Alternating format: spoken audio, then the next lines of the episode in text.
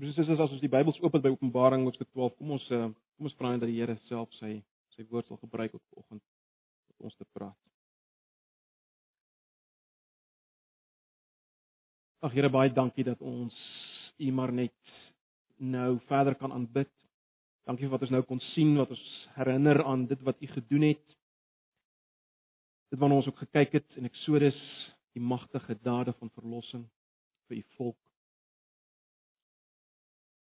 En nou Here, as ons gaan kyk na nog 'n prent hier in Openbaring 12, wil ek vra dat U ook vir ons sal help om te verstaan wat U hierdeur vir ons wil sê, wat ons moet raak sien, die grootheid, die heerlikheid, die mag. En dit wat U vir ons gedoen het. Ag Here, kom, praat met ons en werk met ons deur die woord en die gees ook nou. Ons vra dit in Jesus se naam. Amen.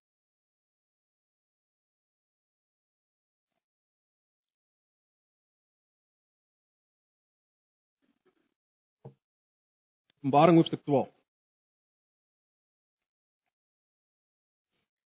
Toe daar 'n groot teken in die hemel verskyn, daar was 'n vrou met die son as kleed om haar, die maan onder haar voete en op haar kop 'n kroon van 12 sterre. Sy was swanger en het geskreeu van pyn, want die geboortepyne was daar. Daar het ook 'n ander teken in die hemel verskyn, daar was 'n groot vuurrooi draak met sewe koppe en 10 horings En op sy koppe was daar sewe heerserskrones. Sy stert het 'n derde van die sterre van die hemel saamgesleep en hom op die aarde gegooi. Die draak het voor die vrou gestaan wat op die punt was om 'n kind te kry.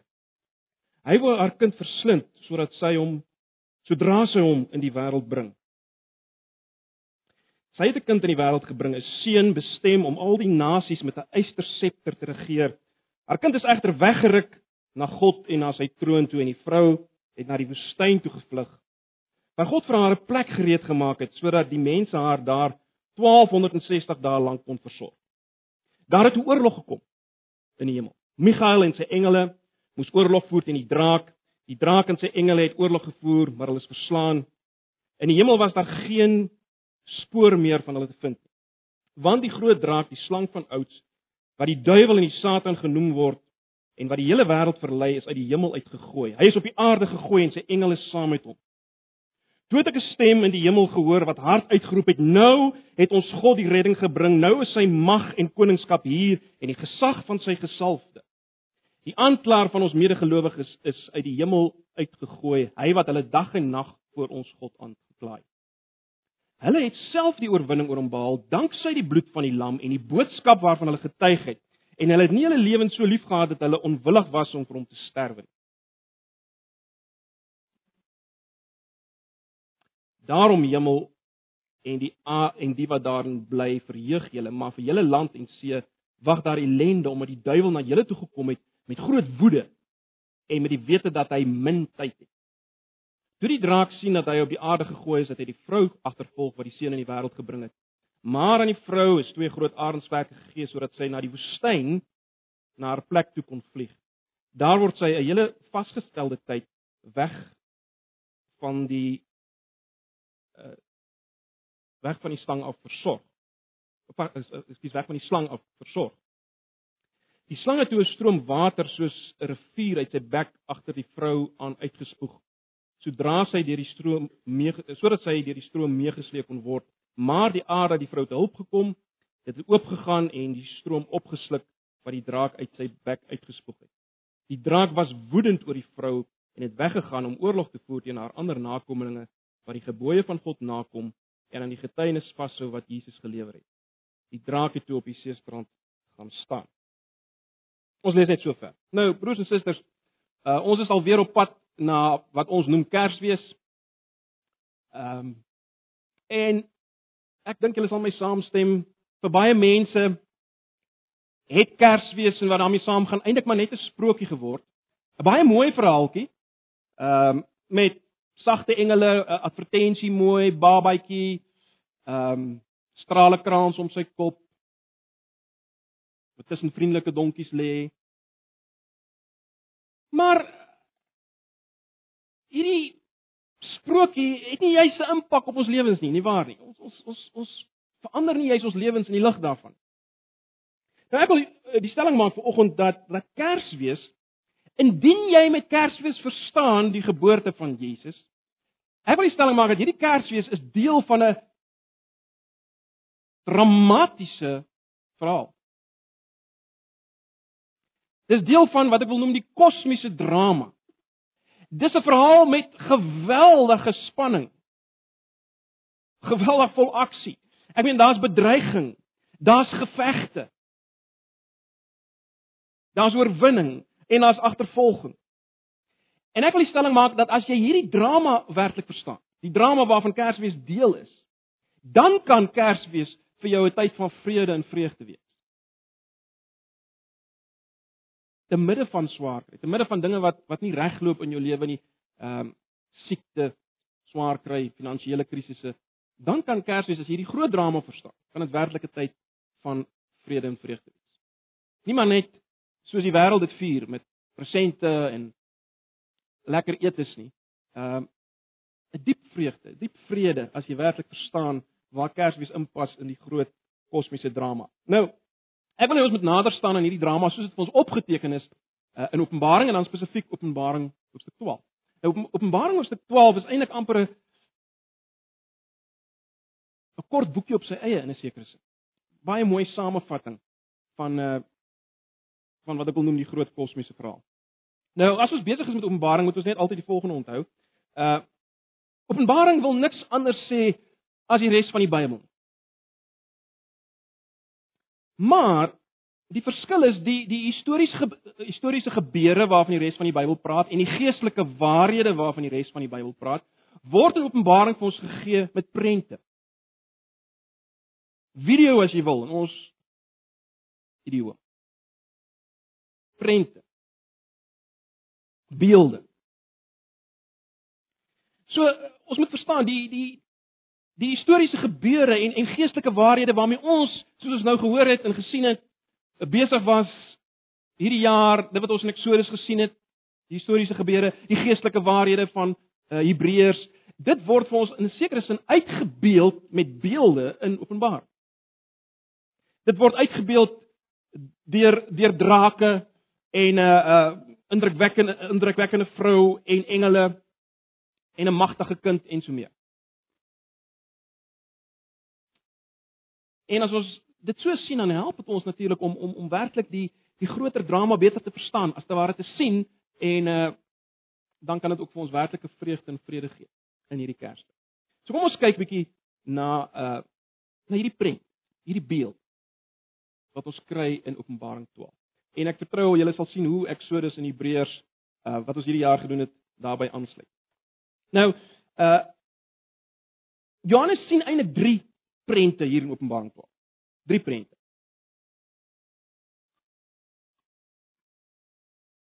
Nou die eerste prent kry ons daar ehm um, in die eerste basies 7 verse, 6 7 verse. In Openbaring 12. Kom ons kyk vinnig na wat sien Johannes. Die toneel wat voor hom oopgaan is is die hemel Johannes sien 'n vrou wat baie glorieryk aangetrek is. Hierdie vrou het 'n kleed aan, die son. Die son is haar kleed. Haar voete is op die maan. Uh, sy het op haar kop uh, 'n uh, kroon van sterre. En hierdie vrou is op die punt om te kraam en sy sy roep uit in in barensnood. En skielik dan sien Johannes voor hierdie vrou 'n vuurrooi draak staan. Nou, dink maar aan 'n aan 'n 'n slang met vlerke, 'n gevleelde slang met 'n draakkop, gekamde draakkop. Ehm uh, hy het vernietigende kloue. Hy's hy's hy's wreed, hy's barbaars, hy's verneig, hy's haatdraand en hy staan voor hierdie vrou. Onthou nou, dis 'n prent, dis 'n simbool van iets. Hierdie dier wat Johannes sien voor die vrou het het sewe krone sewe gekroonde koppe, hy 10 horings. Hierdie hierdie hierdie monster is so geweldig groot dat sy stert swiep oor die oor die hele hemelruim en en soos 'n groot besem vee dit 'n derde van die sterre af op die aarde. Dis wat hy sien. Waarom staan hierdie draak voor die vrou? Wel, hy staan voor die vrou om die kind te verslind sodra die vrou geboorte sou skenk aan 'n kind. Slaag hy daarin? Nee. Ons sien dat die vrou gee geboorte aan 'n manlike kind is is 'n manlike is is 'n seun, 'n magtige persoon wat die nasies met 'n eysterscepter sal regeer. En dan skielik sê Johannes sien hy word die kind weggeruk na God en na sy troon. En dan besef hierdie hierdie monster uh hierdie draak dat hy misluk het om uh om die kind te verslind en dan draai hy sy woede na die vrou. Maar die vrou vlug na die woestyn waar sy kos en skuilings kry. So dis 'n kort wat wat Johannes sien. Kom ons kyk net baie vinnig na die na die karakters wat ons hier kry. Kom ons be, beweeg van die die maklikste om om raak om om uit te ken na die miskien 'n bietjie meer moeilike. Die maklikste een om uit te ken is die draak. Die draak. Ek gaan nou Openbaring 20 vers 2. Daar word vir ons eksplisiet gesê wie is die draak, né? Nee.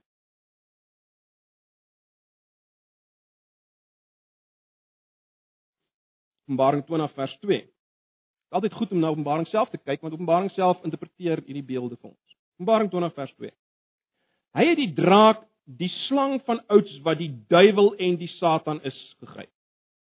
Hy het die draak die slang van ouds wat die duiwel en die Satan is. So dis dis so duidelik, mens kan nie aan twyfel nie, né?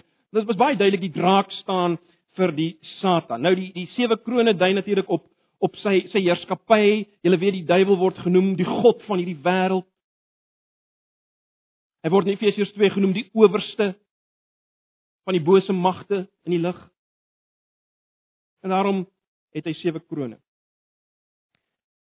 Nou in 'n sekere sin kan mens sê dat hierdie krones is nie eintlik so seer kraanse van oorwinning nie, maar maar maar van van gesag wat hy hom in 'n sin verbeel het. Hy het dit nie regtig nie. Hoe dit ook al sê, hy het hierdie krones op sy kop. Die 10 horings dui waarskynlik op die die die Satan se vernietigende krag. Jy sal sien hy staan op die punt om hierdie vrou se kind te verslind. En dan as die Satan tot 'n val kom, vee hy 1/3 van die sterre saam met hom, sien ons in die beeld. As ons kyk na die res van die Bybel, dui dit waarskynlik op die op die bose geeste wat hy saam met hom vat. Uh daar's 'n paar gedeeltes, 2 Petrus 2 vers 4, Judas 6 wat wat dui uh in hierdie rigting dui. Maar dis die dis die dis die dis die draak. Baie duidelik die Satan.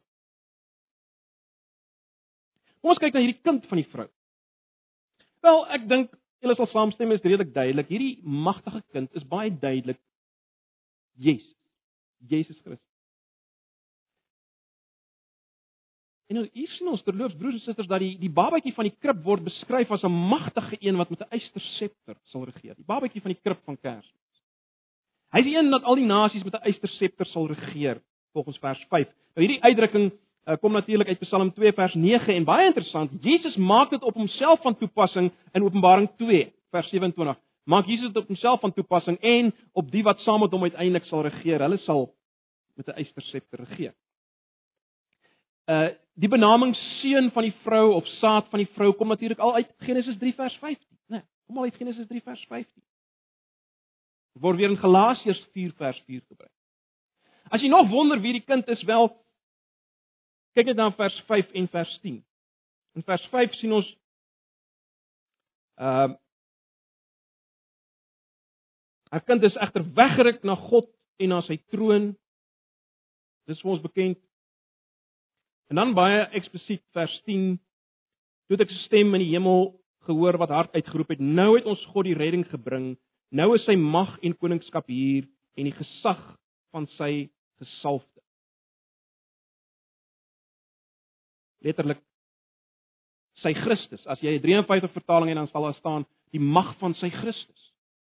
So die kind is baie duidelik Christus, nê? Nee, dis Jesus Christus. Daar's geen twyfel daaroor nie. Nou, wie is die vrou? Nou hier is 'n bietjie meer debat rondom wie die vrou is. Uh, as mens net gaan fokus op die feit dat hierdie vrou eh, swanger is en gaan 'n eh, kind in die lewe gaan bring, dan kan jy miskien dink is Maria. En die Rooms-Katolieke wil wil uit die aard van die saak baie keer Maria hier inlees. Maar maar dit pas nie in die res van die beeld nie, nê, nee, die vlug na die woestyn en ensovoorts. Pas nie lekker uh, in by Maria nie. Sommige sê maar die vrou verwys na Israel. En inderdaad is dit so, dit is interessant veral die die feit dat uh, sy die sterre as kroon het op haar kop. Mens dink aan aan aan Josef se droom, die son, maan en die sterre, die die sterre wat voor hom buig wat verwys na na die 12 stamme van die 11 sterre wat voor hom buig, die 12 uh, stamme van Israel en so meer. maar ook dit pas nie heeltemal nie want uh as ons in die Nuwe Testament lees, dan sien ons die Satan se woede is gerig teen die kerk van Jesus Christus, nie die Jode nie, nie Israel nie. So hierdie aanvalle in die res van Openbaring 12, hierdie woede teenoor die vrou, dit kan nie kan nie net Israel wees nie, want die Satan is veral in sy woede gerig teen die nie Nuwe Testamentiese kerk wat bestaan uit heidene. En Jode.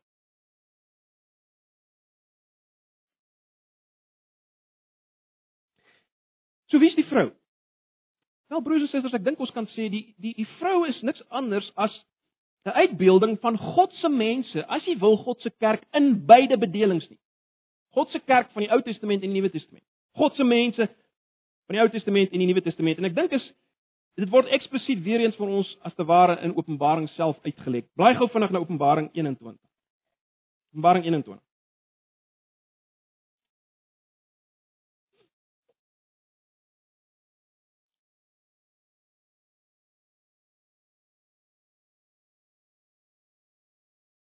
Kyk net na vers 9 van Openbaring 21. Toe het een van die sewe engele wat die sewe bakke het waarin sewe die sewe laaste plaag was gekom en met my gepraat. Kom het hy gesê, ek sal jou die bruid wys, die vrou van die lam. Die bruid wys, die vrou van die lam en ons weet ons weet hy praat van die kerk, né? Nee. Maar wat sien hy dan? Wel vers 10. Ek is toe die Gees meegevoer en die engel het my na 'n groot hoë berg toe geneem en die heilige stad Jerusalem gewys. So hy gaan nou na hy gaan nou na die na die die bruid van die lam kyk en dan sien hy die stad. En nou interessant, hoe word hierdie stad beskryf? Die stad word beskryf in vers 12, né? Nee, die stad het 'n groot muur met 12 poorte. By die poorte is daar 12 engele en op die poorte is daar name geskrywe, die van die 12 stamme van die volk Israel. Maar dan kyk na vers 14. Die stad se muur het 12 fondamente en daarop is daar ook 12 name, die van die 12 apostels van die Lam. So hierdie kerk, onthou nou hy het gesê, kom ek wys vir jou, kom ek wys vir die bruid, die vrou van die Lam, dis die kerk. Wat sien hy dan? Hy sien die nuwe Jerusalem. En daar daar's die 12 stamme. Dis die poorte, Ou Testamentiese volk van God. En daar's die fondamente, die 12 apostels wat natuurlik die embrio is die begin is van die Nuwe Testament van uh, Nuwe Testament se kerk. So ek dink ons kan met redelike sekerheid sê, die vrou staan vir God se mense in beide bedelinge, die kerk van God in beide bedelinge.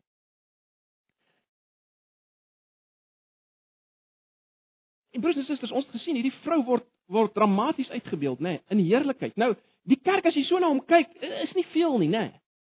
Dit is nie baie indrukwekkend nie, maar uit God se perspektief lyk dit vir my en dis wat die beeld lyk dit vir my wil sê vir ons. Uit God se perspektief is die kerk van die Here heerlik wonderlik verhoog pragtig. Sy is bekleed met die son, waarskynlik dui dit op op heerlikheid. Sy's verhewe, sy's koninklik, die kerk van die Here. Die maan is onder haar voete, sy oefen heerskappy uit. Die kroon van 12 sterre, die kerk van die Here is oorwinnend. En ons kan dit weet vanoggend, ons is oorwinnend in hom. Hoekom is die vrou verwagtend? Wel, ons weet. Uh Jesus is gebore uit die Ou Testamentiese volk van God, né? Nee. Openbaring 9 vers 5 maak dit byvoorbeeld eksplisiet. So dis die dis die karakters. Nou, as ons kyk na hierdie drama, wat sien Johannes wel? Hy sien hierdie hierdie draak staan voor die vrou uh hy staan voor die vrou, let wel, uh, en en en hy hy's gereed om hierdie kind te verslind. Hierdie vrou se pyne, behalwe dat dit geboortepyne is, waarskynlik is sy angstig want hierdie draak staan voor haar. Wat kommunikeer dit? Wat sê dit vir ons? Om dit eenvoudig te stel. Wel dit sê vir ons broers en susters dat die Satan is ingestel, hy's gedurig ingestel op die vernietiging van die nageslag van die vrou Jesus Christus, die kind.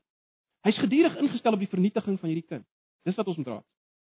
En dis natuurlik wat Genesis 3 vers 15 al reeds vir ons sê, né? Nee. As God sê vir die slang, onthou julle wat sê God vir die slang? Ek sal vyandskap stel tussen jou en die vrou, tussen jou saad enkelvoud en die vrou se saad enkelvoud, althans die vrou se saad enkelvoud. Dis wat Genesis 3 vers 15 al sê, daar sal vyandskap wees.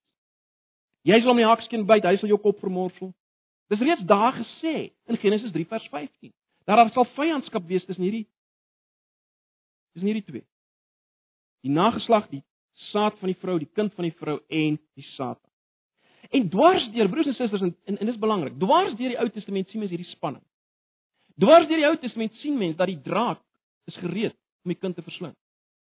Uh, mens mens sou die hele Ou Testament vanoggend kon hanteer in die lig daarvan. Kom ons dink net aan dit waarna ons gekyk het en dit wat ons nou nou gesien het uh, vinnig in 'n in daai videoklip Exodus. Dink vir 'n oomblik aan Exodus. Wat is aan die gang as Farao 'n beleid uitvaardig dat al die klein seentjies doodgemaak moet word, in die Nyl moet gegooi. Wat is aan die gang? Wat is aan die gang? Ek dink ons het daarna verwys toe ons Eksodus gedoen het, maar baie interessant. As ons kyk hoe word Farao beskryf in in Esegiel. Nou ongelukkig as jy 'n 83 vertaling het, gaan jy dit gaan jy dit mis. Maar is baie eksplisiet duidelik in die in die 53 vertaling. Kom ek lees vir julle Esegiel 29 vers 3 en Esegiel 32 vers 2. Luister 'n bietjie na Esegiel 29 vers 3 en Esegiel 32 vers 2. Spreek en sê, so spreek die Here, Here, kyk, ek het dit teen jou o Farao, koning van Egipte, jou groot draak wat in jou strome lê, wat sê my stroom is myne en ek het dit vir my gemaak. Jy sien, eksplisiet word Farao die draak genoem. In Eksodus 32 vers 2 weer: Mensekind, hef 'n klaaglied aan oor Farao, die koning van Egipte en sê vir hom: Jong leeu onder die volke, verlore is jy en jy was soos 'n draak in die groot water ensovoorts ensovoorts. Eksplisiet word Farao draak genoem. Nou die nuwe vertaling vertaal dit met krokodil, waarskynlik maar net omdat ons is nie so gemaklik vandag in ons idiome met draak nie, nê. Nee. Maar maar daar staan draak. Wat is die punt? Die punt is Farao en ons het daaroor gepraat toe ons Eksodus gedoen het. Farao het die rol van Satan gehad.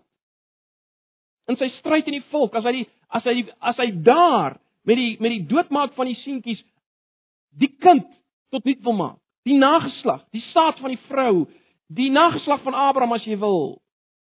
Hy wil dit daar tot 'n einde bring. En ons het gesien hoe volhardend hy daarin is. En ons het gesien hoe God uiteindelik hom verslaan deur die 10 plaae en hoe hy voortgaan om om om uh om die volk te agtervolg en uiteindelik vernietig God hom in die Rooi See, dis waarna ons gekyk het. Satan is die teenstander van God se mense in die Ou Testament in Eksodus. En dis wat sy naam beteken, teenstander. Waarskynlik, broers en susters, by die goue kalf episode.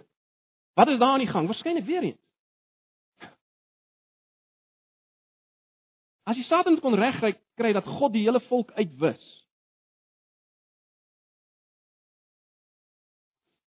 Dan was dit die einde van die nageslag van die vrou. Jy sien, wat is die punt? Oor wie gaan dit eintlik? Oor wie gaan dit eintlik in Eksodus? Oor wie gaan dit eintlik? Wel oor die kind wat gebore moet word. Dis dis dis waar die drama gaan. Die kind Die kind wat gebore moes word, die die saad van die vrou van Genesis 3 vers 15. Die saad van Abraham as jy wil. Die verbondslyn. Die een deur wie al die nasies geseën sou word, die een waardeur ek en jy geseën sou word. Dis die stryd. Dis waarna ons gekyk het in Eksodus. Dis die een teen wie alles gerig is. Kom ons dink aan die Kersverhaal. Ons is nou in Kerstyd. Ons gaan die Kersverhaal lees. Wat doen Herodes? Wel, hy doen presies dieselfde as Farao. Hy vaardig 'n beleid uit dat al die suigelinge van Bethlehem en omgewing 2 jaar en jonger moet doodgemaak word. Hy het die rol van Satan, die teenstander van God se mense. Hy maar waarop is hy gerig? Wil hy hy wil die saad van die vrou, die kind uit die weg ruim.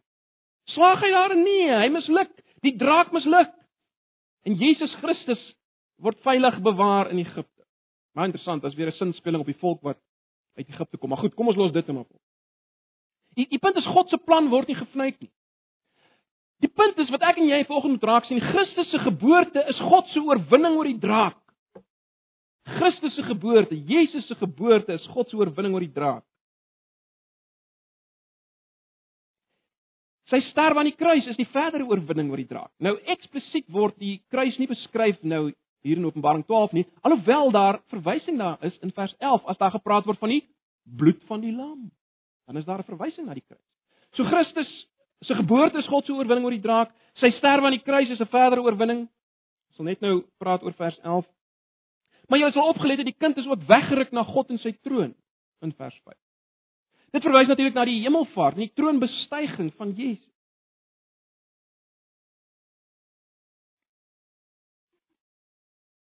En hy heers nou met 'n eyster scepter vanaf die troon. En dit dit gebeur dwars deur die bedeling waarna ek en jy nou is totdat hy weer kom. Hy regeer broers en susters. Maar let op nou, aan die een kant is hy daar en hy regeer. Maar aan die ander kant, waar's die vrou? Want ons lees dat die vrou bevind haarself in die woestyn. Vir 1260 dae soos dit ek weet nie of die nuwe vertaling dit ook so stel nie. Ehm um, Ja. 1260 dae lank. 1260 dae. Dis natuurlik 3 en 'n half jaar. Kom ons kyk eers na hierdie tydperk. Wat sou hierdie tydperk beteken? 3 en 'n half jaar. Hoekom 3 en 'n half jaar? Wel, 3 en 'n half jaar is die tydperk wat uh, ons kry in in die uh, uh, koninggeskiedenis waar Elia uh, waar Elia optree. Vir 3 en 'n half jaar wat God se mense verdruk word en swaar kry, maar God bewaar hulle.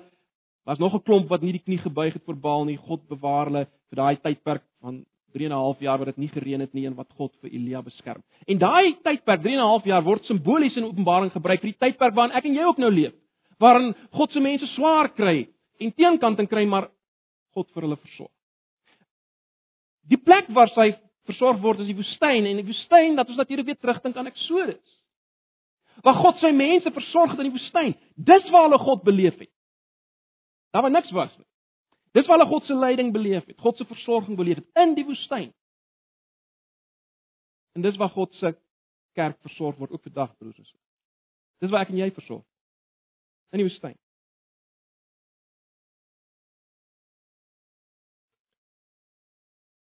So dis wat ons sien in die eerste prent. Kom ons kyk nou na die tweede prent in vers 7 tot 12. Die tweede prent in vers 7 tot 12.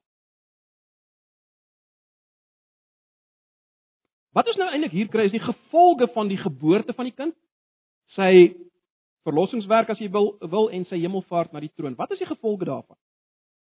Onthou nou weer Johannes sien dit in die vorm van beelde, prente, videomateriaal as jy wil. Wat hy sien staan vir iets. Alraai. Wat sien jy? Hy sien dinge as jy wil, hy sien dinge wat wys dat Jesus se geboorte, Jesus se verlossingswerk en Jesus se troonbestyging kosmiese dramatiese gevolge gehad het. Hy sien dinge wat dit wys. Wat sien hy? Hy sien daar's 'n geveg in die hemel, dramatiese geveg. Michael en sy engele. Michael onthou is die is die leier van die goeie engele dwars deur die Bybel. Michael en sy engele voer stryd teen die draak en sy trawante. Die dra draak en sy bose engele. Hulle staan teenoor mekaar. Twee generaals en twee leers staan teenoor mekaar staan teenoor mekaar. En let wel, Michael en sy leer doen natuurlik die aanvalswerk. Dit so verloop. Maar wat word wat gebeur? Wel, die draak word verslaan. OK? So as uitvloeisel van geboorte en die uiteindelike hemelvaart van Jesus word die Satan verslaan. Dis wat Johannes sien, dis wat uitgebeeld word. Kyk na vers 9.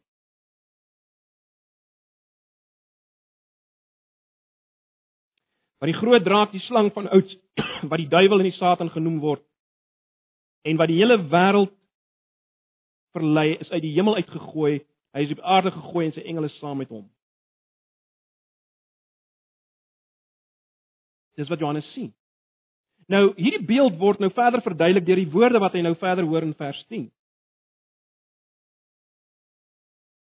En daar sien ons iets interessant. Kom ek stel dit so. Die geveg in die hemel en die uiteindelike neerwerp van die Satan moet natuurlik nie letterlik verstaan word. Net soos die res van die Openbaring. Die neerwerp uit die hemel moenie letterlik gesien word nie. Dit gaan oor oor 'n sekere waarheid wat in vers 10 uitgelig word. En wat is die waarheid? Die waarheid is dit: Satan het sy plek as aanklaer verloor. Dis die betekenis. Onthou sy naam beteken aanklaer, dis die rol wat hy gehad het as te ware. Dis die rol wat hy voor God ook gehad het terloops. Maar dit het tot 'n einde gekom deur die geboorte, die kruisiging en die hemelvaart van Jesus. Dit het tot 'n einde gekom. Wat is die punt? Wat wat moet ek en jy raak sien? Wat is die die boodskap hierin? Broers en susters, dit wat ons gesien het dwars deur Hebreërs. Satan het geen grond meer vir beskuldiging teen jou nie. Hy kan jou nie meer aankla as kind van God nie. As jy vanoggend hier sit as 'n kind van die Here, hoe gebroken jy ook al is, hoeveel jy ook al sukkel in jou geestelike lewe, hy kan jou nie aankla nie. Hy het nie 'n grond om jou aan te kla voor God en te sê, "Hey, daai ene moet gestraf word met die ewige oordeel. Kyk wat het hy en sy gedoen." Die duiwel kan dit nie meer doen nie.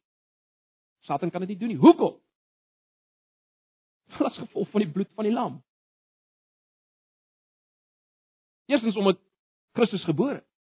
Verder omdat hy gesterf het en opgestaan het en in die hemel sit as 'n bewys dat God aanvaar het wat hy doen. En daarom het die duiwel geen plek meer om jou aan te kla nie. Hy het geen grond meer.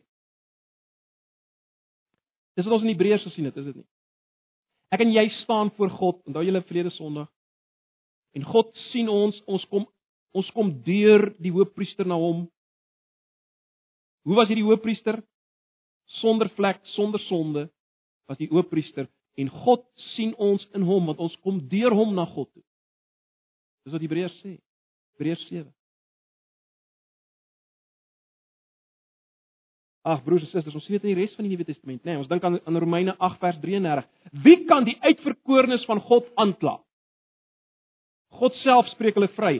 Wie kan ons veroordeel vers 34? Christus Jesus het gesterf, maar meer as dis, meer as dit, hy's uit die dood opgewek. Hy sit aan die regterhand van God. Hy pleit vir ons. Dis sy hoëpriesterlike werk. Ons, daar's nie aanklag teen ons nie. Die duiwel het nie 'n saak nie. As jy dit anders wil stel, die klag staat teen ons is vernietig. En dis natuurlik waarvan Kolossense 2 vers 14 praat. Luister na Kolossense 2 vers 14. Hy, dit is Jesus, Kolossense 2 vers 14. Hy, dit is Jesus, het die skuld bewys met sy eise teen ons tot niet gemaak deur dit aan die kruis te spyker het hy dit vir goed weggeneem en dan vers 15 hy het elke mag en gesag ontwapen en hulle in openbaar vertoon deur hulle as gevangenes in die triomftog van Christus mee te voer. Dis net 'n bietjie van 'n ander beeld. Die aanklag teen jou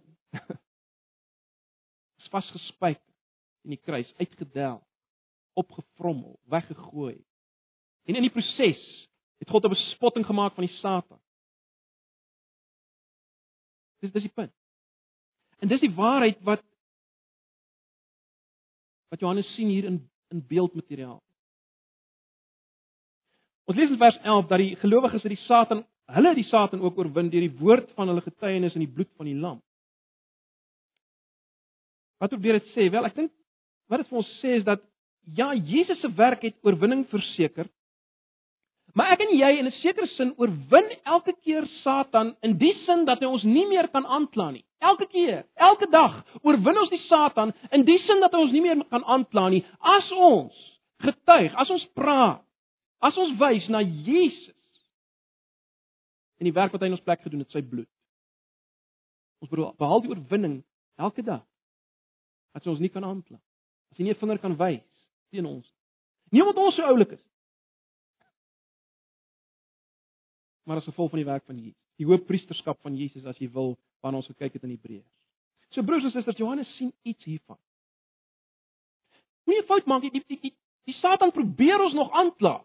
En hy laat jou verstaan dat hy 'n saak teen jou het. Maar die punt is jy moet in die lig van wat ons vanoggend sien en wat ons gesien het in Hebreërs verstaan, hy het nie meer 'n saak teen jou nie. Hy kan jou nie meer aankla nie. God luister nie meer na hom nie. As gevolg van die kind, die geboorte van die kind en die werk van die kind. Ag broers en susters, dis ons Kersvreugde. Dis waaroor ons osself verbly in Kerstyd. Dis waar ons onsself verbly, dit wat Christus gedoen het. Let op die gejuig in die hemel in vers 12. Daar's 'n gejuig. Want dit is dis triomfantlik, dis heerlik, dis ons vreugde, dis ons blydskap. Maar dit bring ons by die derde laaste prent, vers 13 tot 17. Vers 13 tot 17. Ons sien hier dat die Satan is wel neergewerp in die sin dat ons nie meer kan aankla nie. Hy het nie meer 'n saak teen ons nie. Maar hy is steeds uiters gevaarlik en hy doen alles in sy vermoë om ons te vernietig. En ons het nou vir mekaar gesê, hy sien hy kan nie die vrou uh althans hy kan nie die kind in die hande kry nie. Hy kan nie die kind Jesus vernietig nie. So sy aanval is gerig op die kerk, die vrou. Maar let op, Johannes sê dat hy sien dat die vrou weer na die woestyn geneem word. Baie interessant. Dit word genoem haar plek nou. Haar plek. En dis 'n belangrike waarheid wat hy sien. Die kerk van Jesus, broers en susters, luister mooi. Die kerk van Jesus se plek is in die woestyn. Die plek waar hulle totaal afhanklik is van hom vir versorging en leiding. Die kerk waar die plek waar dit swaar gaan, die plek waar daar teenkanting is. Plek waar daar krisisse is. Dis ons plek. Dis die vrou se plek nou in hierdie bedeling. Dis waar ons die Here se voorsiening beleef. Die woestyn is die goeie plek vir ons. Ons beleef dit as sleg, maar dis eintlik die goeie plek. Dis die plek waar God wil hê ons moet wees. Nou. Wat doen die draak? Wel, ons sien hy spoeg 'n rivier agter hierdie vrou aan om haar te verdrink, maar hy misluk weer 'n keer. Wat is die punt? Die punt is maar net, hy kan nie die kerk van Jesus vernietig. Mense sou nou kon filosofeer oor waarvoor sou die water staan? Misleiding, krisisse, finansiële krisisse dalk, teenkanting. Die punt is die kerk kan nie vernietig word. Sy's in die woestyn. Ja, sy's in die woestyn, maar sy kan nie vernietig word. Het jy opgelet aan die einde van vers 12 dat die Satan weet sy tyd is min? Die tyd voor hy finaal vernietig word. En dit beteken broers en susters dat die kerk van Jesus Christus gaan nie vir altyd in die woestyn wees. Nee, hy gaan nie vir altyd daar wees. Of sy gaan nie vir altyd daar wees. Daar kom 'n einde en die res van Openbaring praat natuurlik van hierdie einde, net die dramatiese einde waar die Satan en al sy trawante en dit word pragtig uitgebeeld in Openbaring. Daar word afgereken met elkeen van die vyande van die kerk van Jesus Christus. Dramaties. En uiteindelik word hulle in die vuurpoel gegooi en uiteindelik sal ons die bruid van die lam in 'n ewige huwelik staan met Jesus op die nuwe aarde. Vir altyd en altyd. En dis vas en seker. In Hebreërs het ons gesien hoe vas en seker dit is. God het dit gesweer met 'n eed. En die hoëpriesterskap van Jesus verseker dit. Dis soos 'n anker alreeds vir ons vas in die allerheiligste van die hemel. Ons is op pad daarheen. Ons is op pad daar. Maar vir nou is ons nog in die woestyn. Vir nou is ons nog in die woestyn. Maar dis waar ons versorg word. Dis waar ons die goedheid van die Here beleef.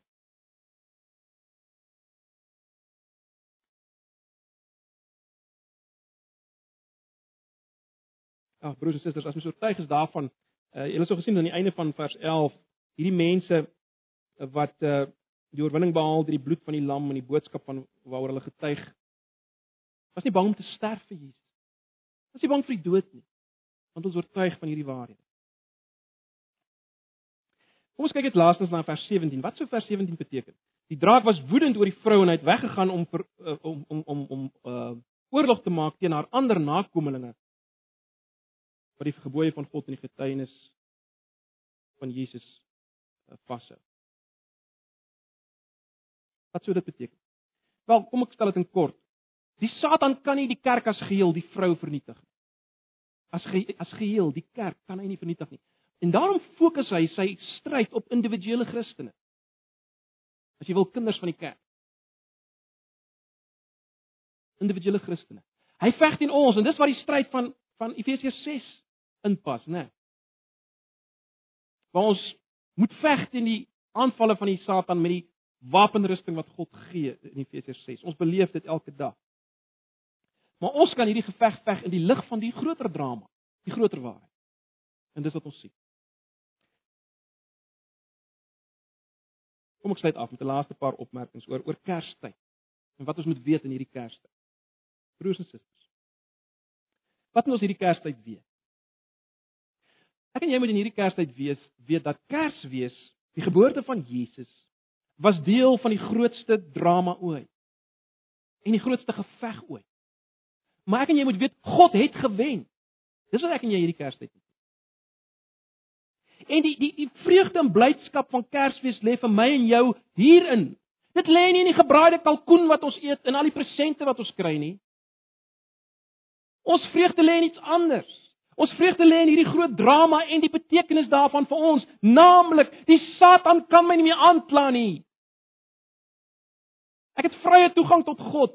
Dis ons vreugde in hierdie Kerstyd. Want dit is alles as gevolg van die geboorte van Jesus en die drama begin in die Ou Testament en dis waarmee ons besig is die hele jaar in Antipas. Dit is Sondagskool, die selgroepe.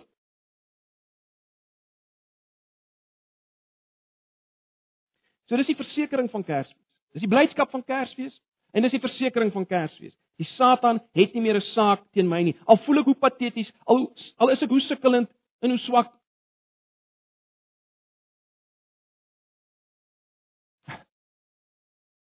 Kan deur Jesus na God gaan. Die hoofpriester van die breë. Die oorwinning is behaal. Ag broers en susters. Wat moet ons as gemeente, as Antipas weet in hierdie Kerstyd? Wel, ons moet weet ons is in die woestyn. Ons is nog in die woestyn. Nie net nou en dan nie, ons is in die woestyn. Ons ons ons praat baie van daai was daai was 'n woestyntyd in my lewe. Ja, ons weet wat ons daarmee bedoel, maar eintlik is ons hele bestaan as gemeente is in die woestyn. Waar dit swaar gaan. Waar ons teenkant en kry, waar daar krisisse is. Waar ons met stryd teen dwaling aan die een kant en finansies aan die ander kant en ontrouheid en en en noem maar op. Dis waar ons is. Dit sal wees tot Jesus weer kom. Maar dit is waar God ons versorg en dit is waar God ons sien as heerlik. Geklee met die son, die maan onder ons voete, die sterre op ons kop.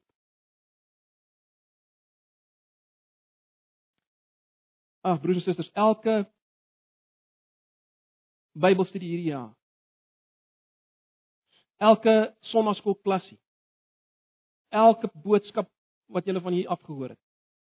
Dit alles was God se versorging van ons in die woestyn hierdie jaar. Kom ons onthou dit. Kom ons vat dit so. Elke dingetjie wat ons gedoen het hierdie jaar. Was 'n stukkie van God se versorging van sy bruid in die woestyn.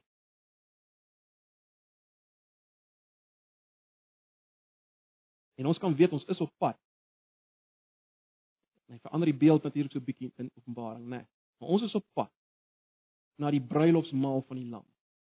Waar ons as die bruid van Jesus vir ewig finaal in 'n huwelik gaan staan met die kind, die oorwinnende Christus.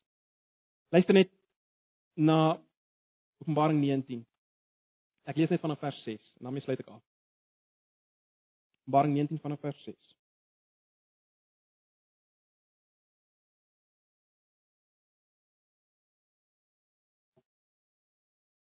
Ek het toe iets gehoor soos die geluid van 'n groot menigte, soos die gedruis van 'n groot watermassa en soos die gedreun van swaar donderweer. Dis wat hy hoor. Hulle het uitgeroep: "Prys die Here, die Here ons God, die Almagtige, heers nou as koning. Laat ons bly wees en juig en aan hom die eer gee want die bruilof van die Lam het aangebreek en sy bruid het haar daarvoor gereed gemaak. Let wel, sy is in die woestyn gereed gemaak.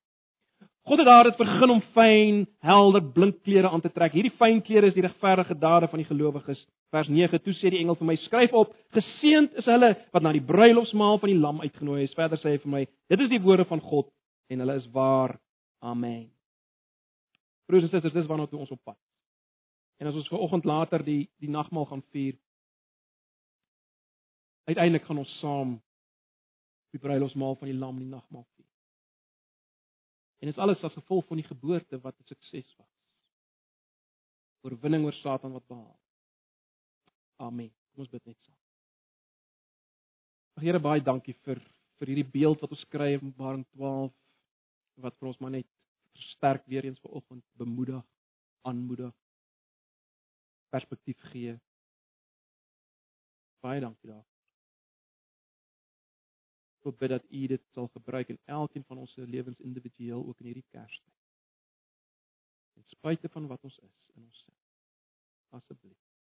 Ons vra dit in Jesus se naam. Amen.